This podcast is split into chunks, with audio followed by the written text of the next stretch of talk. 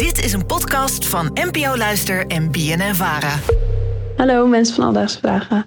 Eh, ik zat naar mijn arm te kijken en dacht, wat is nou eigenlijk een moedervlek? Alledaagse vragen. NPO Luister.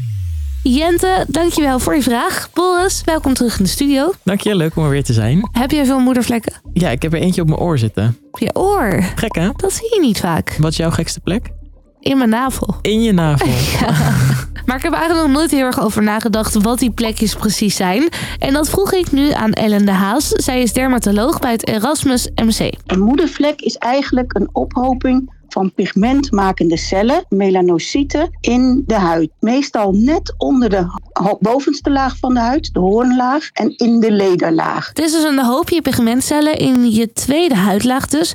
En een gemiddeld mens heeft er, ja wat denk je? Mm, 20? Heel goed, ja, tussen de 20 en Wow. 30. Maar dan vraag ik me af, hè, want een hoopje pigment bij elkaar, dat is dus je moedervlek, redelijk logisch. Is het dan precies hetzelfde als een sproet bijvoorbeeld? De sproet heb je op alle leeftijden, dat is eigenlijk heel gezond. Maar een sproet is opgebouwd uit pigment.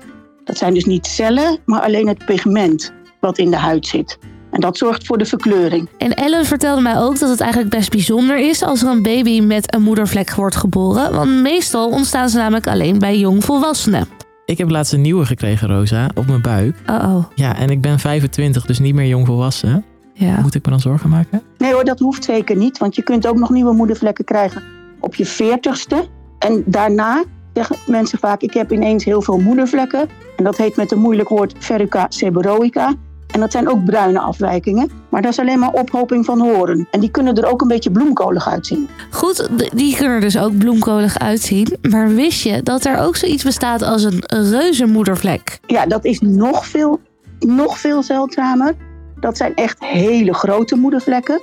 En dat worden ook wel dierenvelmoedervlekken genoemd. En dan kan bijvoorbeeld een hele buik of een hele rug aan, en billen aan meedoen. En dat, die moedervlekken die moet je wel in de gaten houden en controleren. Want daar ontstaan nog wel eens kwaadaardige plekjes in. Moet je wel een keer even opzoeken op het internet, want een reuzenmoedervlek is echt groot. Alledaagse vragen.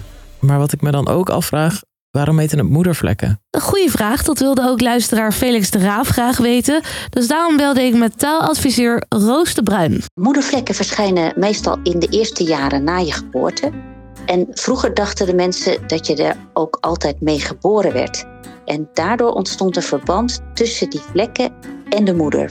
Cadeautjes van je moeder. Cadeaus voor je moeder, ja. En hierover bestonden ook nog allerlei andere interessante mythes. Meestal eh, dacht men dat de zwangerschapslusten van de aanstaande moeder.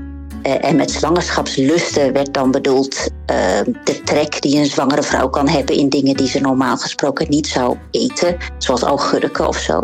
Dat die zwangerschapslusten te maken hadden met het ontstaan van moedervlek. Dus als een moeder heel veel druiven had gegeten tijdens haar zwangerschap, nou dan kreeg het kind een moedervlek in de vorm van een druif. Maar het kon ook net iets anders zijn.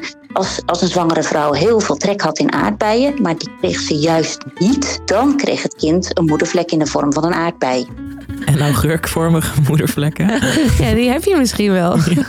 Mijn moeder had heel graag rookworst toen ze zwanger was met mij. Dus misschien heb ik dat ook nog wel ergens op mijn lichaam. Dus Jente, een moedervlek is niet veel meer dan een hoopje bruine pigmentcellen in de tweede laag van je huid. Je kan ermee geboren worden, maar de meeste ontstaan bij jongvolwassenen. Het woord moedervlek is vroeger ontstaan omdat er werd gedacht dat je ermee geboren werd. En toen dachten ze dat de vorm en het aantal moedervlekken werd bepaald door de zogenaamde zwangerschapslusten, waar de moeder wel of niet aan toegaf. Een mythe die nooit is bewezen. Dus als je een moedervlek hebt in de vorm van een banaan, is het waarschijnlijk toch gewoon puur toeval. Heb jij ook een vraag? Stuur ons een berichtje op Instagram, Alledaagse Vragen. Of mail ons naar alledaagsevragen.bnnvara.nl Alledaagse vragen. NPO Luister. BNN Vara.